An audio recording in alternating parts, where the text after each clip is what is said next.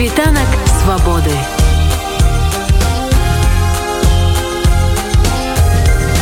Світ вольнасці Беларускія ўлады плануюць правесці рэферэндум па новай канстытуцыі ў студзені 2022 года а дэмакратычныя сілы некалькі дзён таму прапанавалі план дзеянняў на гэтым рэферэндуме.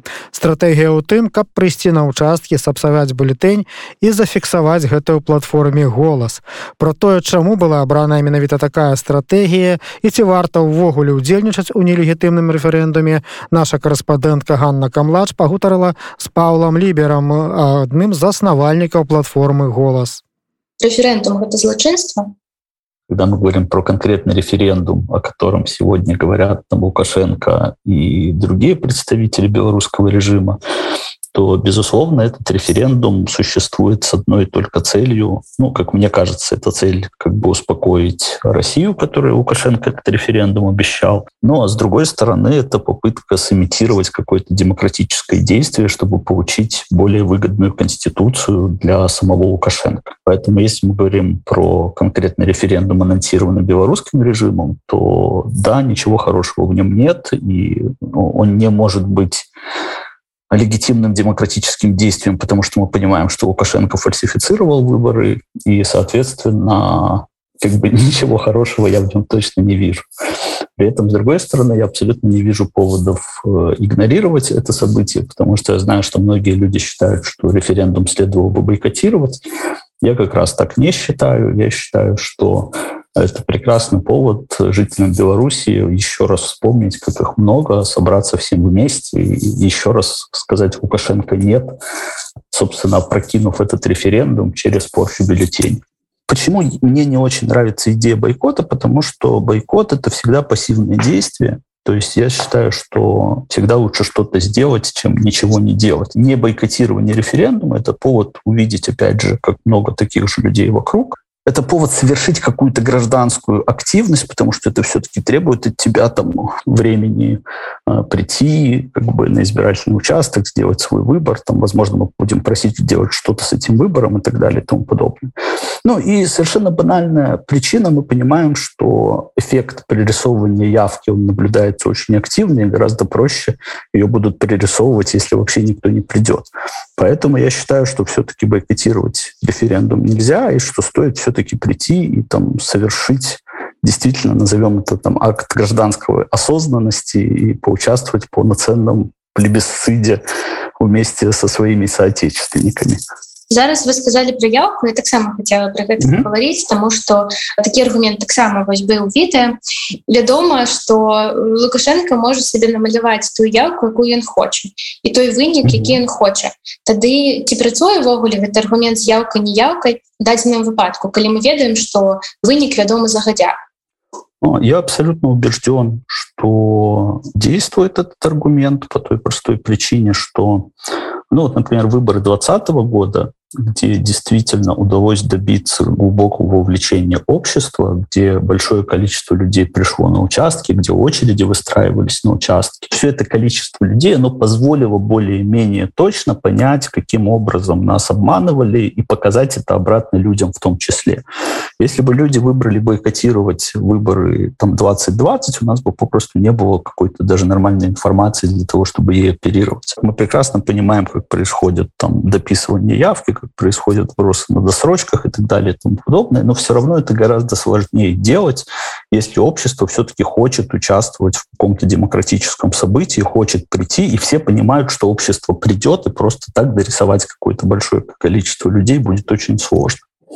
Мне падаецца что нельга параўноўваць выборы 2020 і рэферэндум потому что гэта ну, па-першае гэта розныя падзеі все ж таки рознага ўзроўню і ну зусім розныя умовы тыя умовы якіх людзі зараз знаходзяцца ва умовах гэтых рэпрэсій напрыклад там год таму людзі элементарна маглі себе неяк пазначыць там напрыклад тоже стужачка белой альбо там белым адзеннем зараз такого ўжо на жаль не зробіць тому что гэта ну можа прывесці до того ж арышту 15 ну, сотняў мінімум А что мешает человеку надеть белую маску например или ну можно придумать тысячи других способов как идентифицировать людей вокруг что мешает сложить там бюллетень гармошкой как это было Ну, то есть мне кажется, что это все какие-то тех, технические вещи, которые можно делать даже сейчас, даже в существующих условиях, и при этом абсолютно безопасно для людей.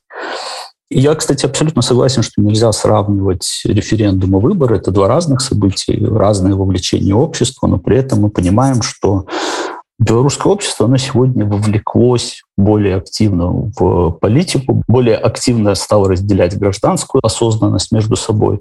Общество должно учиться ходить и совершать какой-то выбор.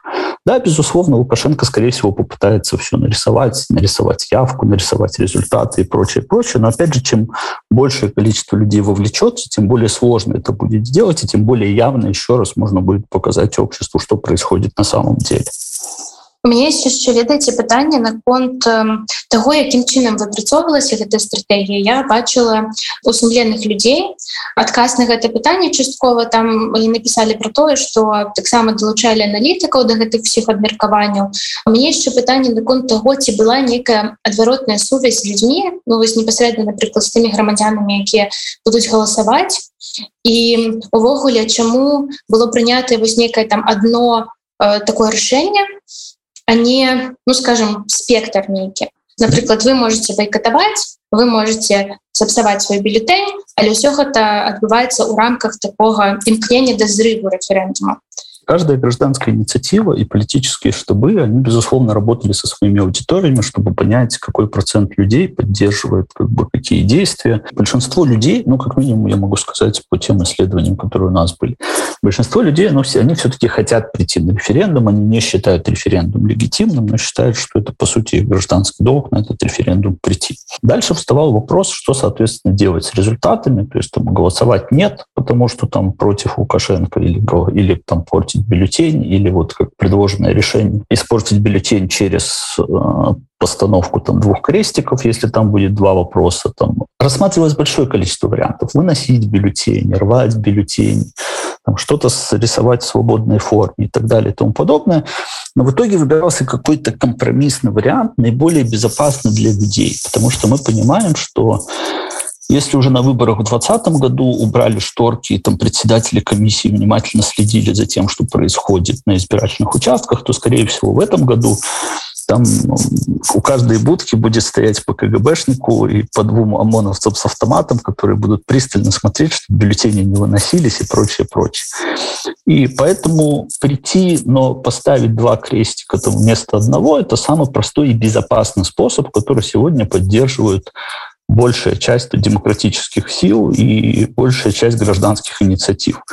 При этом, безусловно, мы понимаем, что вряд ли мы заставим людей исследовать как бы только этой логики, мы будем их убеждать. Чем большее количество людей нас послушает и пойдет по этому пути, тем проще нам будет потом обработать результаты и показать какой-то результат. Но, безусловно, мы не запретим людям бойкотировать или рвать, или выносить, или бросать туалетную бумагу в урны, как кто-то предлагал недавно. Я думаю, что каждый человек, он все равно примет какое-то свое решение, мы можем ему только посоветовать что-то правильно разумею что вы як бы абапіраліся на меркаванне большасці з людзей якіх вы апыталі яны вырашылі што яны хочуць все ж таки штосьці зрабіць на выбарчым участку нягледзячы на нелегітымнасць рэферэндума і вось ходзячы з гэтага вы уже прымалі нейкія рашэнні Да по сути да. Зразумела что вось гэта дзеянне калі мы приходим на участкі калі мы псуем бюллетэні это ну все робіцца для того каб у чарговы раз показаць нелегітымнасць лукашэнкі і пытанне у тым ці патрэбна у чарговы раз показывать гэту нелегітымнасць калі здаецца усе ўжо зразумелі что ён нелегітымнасць На самом деле это не показать нелегитимность Лукашенко. Вы абсолютно правы. Все так понимают, что он нелегитимен. Тут уже даже непонятно, куда уж дальше быть нелегитимным. А, это скорее делается для того, чтобы, во-первых, подчеркнуть нелегитимность самого мероприятия, потому что массовый приход и порча бюллетеней – это как раз очень хороший знак, что само мероприятие нелегитимное.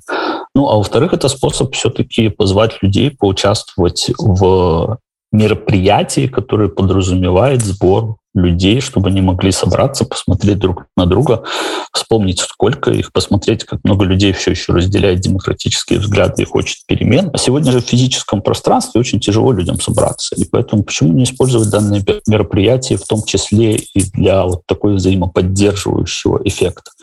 При этом Это не способ показать Лукашенко, что он нелегитимен, потому что все и так знают, что Лукашенко нелегитимен. Вось вы кажаце што так это такое мерапрыемства якое может дазволіць людям ізноў скажем так убачыць адзін аднаго сустрэцца ў нейкі такой фізічнай прасторы тут же зноў пытанне як можна пазнаць адзін аднаго як мы можем зразумець что гэта свой чалавек наколькі разумею вы зараз выпрацоўваеце вось нейкія такія знакі по яким люди да. могли бы зразуметь, так? Вы знаете, мне кажется, что сегодня любой адекватно выглядящий, улыбающийся человек уже как бы автоматически не поддерживает режим. То есть, возможно, иногда специальных знаков и не нужно. Ну, я шучу, на самом деле будет придумано, как все-таки визуально в том числе идентифицировать всех людей, которые там поддерживают сегодня демократические изменения вокруг. Но мне кажется, это как раз-таки будет достаточно простая задача.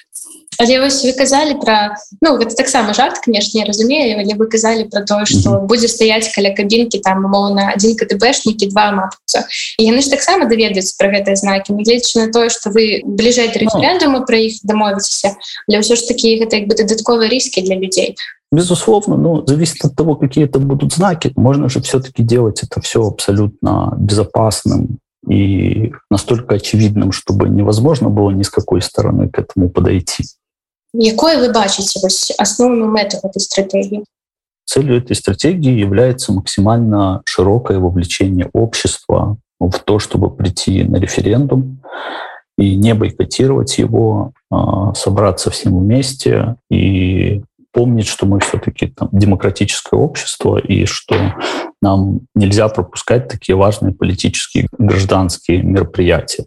А если вы хотите спросить, есть ли какие-то совершенно четкие последовательные действия, которые будут после референдума, то опять же сегодня здесь обсуждается много вариантов, но мы бы не хотели рассказывать что-то заранее. Вось вы сказали про такую мобілізацыю грамадзянской супольнасці пытанне ў тым что далей рабіць гэтай мобілізацыі які результат будзе это опять же вот лежит в плоскости, возможно ли сегодня какие-то действия в физическом пространстве, безопасные для людей. Сегодня сложно ответить на этот вопрос, потому что референдума еще нет, мы не понимаем, когда он будет, а мы не понимаем, какие будут условия. Поэтому, как я уже сказал, большинство вещей, которые сейчас проговариваются о том, что делать там после референдума, то есть они сегодня не финализированы, поэтому и нет смысла их особо озвучивать. Пытанне ў тым, што гэта бы па сутнасці гульня якую зацеяў лукашенко. І ў гэтым удзельнічаюць усе у тым ліку і дэмакратычныя сілы і людзі якія выступаюць супраць яго як нелегітымнага кіраўніка краіны. Ці не здаецца вам что мы просто як бы гуляем у чужую гульню якая нікому не выгодная? Ну нам принамсі невыгодна мы же с вами находимся там в реальном мире Да, то есть мы понимаем, что мы сегодня в любом случае живем там и боремся за какие-то идеалы в тех условиях, которые в стране сформированы. Да, безусловно, в каких-то других условиях, более там демократических условиях этот референдум мог бы быть проигнорирован. Но сегодня мне кажется, что это абсолютно нормально призывать общество участвовать в этом мероприятии, даже несмотря на то, что оно там инициировано самим Лукашенко, потому что я думаю, что здесь все согласятся, что даже сам Лукашенко его инициировал не сильно-то по доброй воле, а скорее под давлением России и, возможно, там еще кого-нибудь. И если мы понимаем, что для него самого это некомфортная обстановка, то, соответственно, мобилизовав общество и сделав эту обстановку еще более некомфортной, мы в том числе как бы скорее вредим этим режиму, чем играем в его игру. Я на это смотрю именно так. Ці не разглядалі вы увогуле дзеянні якія былі б накіраваныя на зрыв гэтага рэферендума на яго неправядзення Магчыма гэта быў бы якраз такі варыянт які бы перавярнуў гэтую гульню на карысць вось грамадзянской супольнасці дэмакратычных сил Я знаю что подобные варианты до сих пор рассматриваются я честно скажу, что я не знаю деталей, поскольку я не являюсь частью наших э, политических организаций, мы все-таки больше технологи. А, но я знаю, что такие варианты рассматриваются. Я знаю, что есть большое количество мнений, и, кстати, я один из людей, которые тоже придерживаются мнения, что, возможно, референдум либо будут откладывать, насколько это можно, либо он вообще не состоится, потому что, мне кажется, там тот же вот мигрантский кризис, который происходит сейчас, он уже потенциально отодвигает референдум на будущее, потому что нашему режиму сейчас не до референдума. Я думаю, что они даже этому рады, потому что, как я уже сказал, скорее всего, они сами не хотят его проводить. И для них это дополнительная точка напряжения, возможной эскалации, мобилизации общества. Она им самим сейчас видится как достаточно опасна. Поэтому не факт, что референдум будет объявлен. Если он будет объявлен, то, как я уже сказал, там есть различные варианты, которые прорабатываются. Но детали я, к сожалению, сказать не могу, поскольку все-таки я не часть этих рабочих групп Вось мы атрымаем по выніку у голасе некую пэўную там лічбу людзей якія прагаласавалі что вы далей будете зрабіць гэтай лічбай как обычно мы бы хотели показать обществу насколько это совпадает или отличается от официальных результатов. Ну, если, конечно, это возможно будет. Мы вполне допускаем вероятность того, что у людей могут попытаться забирать мобильные телефоны на входе в участок или запретить фотографировать или еще что-нибудь. Тогда нам придется придумывать какой-то другой формат. Но в первую очередь голос э, существует для того, чтобы как раз-таки а, показать, как делаются фальсификации, показать, как отличаются результаты. Ну, а дальше уже каждый человек, он сам будет решать, что с этим делать. Нам очень важно будет показать это европейскому сообществу, чтобы они в очередной раз убедились, что здесь происходит. Станет ли там число в голосе поводом какому-то большому событию, вряд ли само по себе число в голосе может чем-то стать, потому что это же всегда большой комплекс факторов, совместная работа гражданских инициатив и политических штабов. И именно поэтому как бы голос здесь скорее а, дополнение числового понимания, насколько сильно нас всех обманули. Павел лібер адзін з заснавальнікаў платформы голас распавёў чаму варта прыходзіць на выбарчыя участкі падчас арганізаванага рэжымам так званага рэферэндума аб новай канстытуцыі і што там плануецца рабіць А я хочу нагадаць што сярод тых каго рэжым лукашэнкі утрымлівае ў зняволенні і наш калега Анджай пачобут яго зняволілі яшчэ 25 сакавіка і з таго часу ён без аніякага суда утрымліваецца ў вязніцы акрамя яго ў зняволенні знаходзяцца яшчэ 28 супрацоў predstavnikov medijev. Svitanak svobode.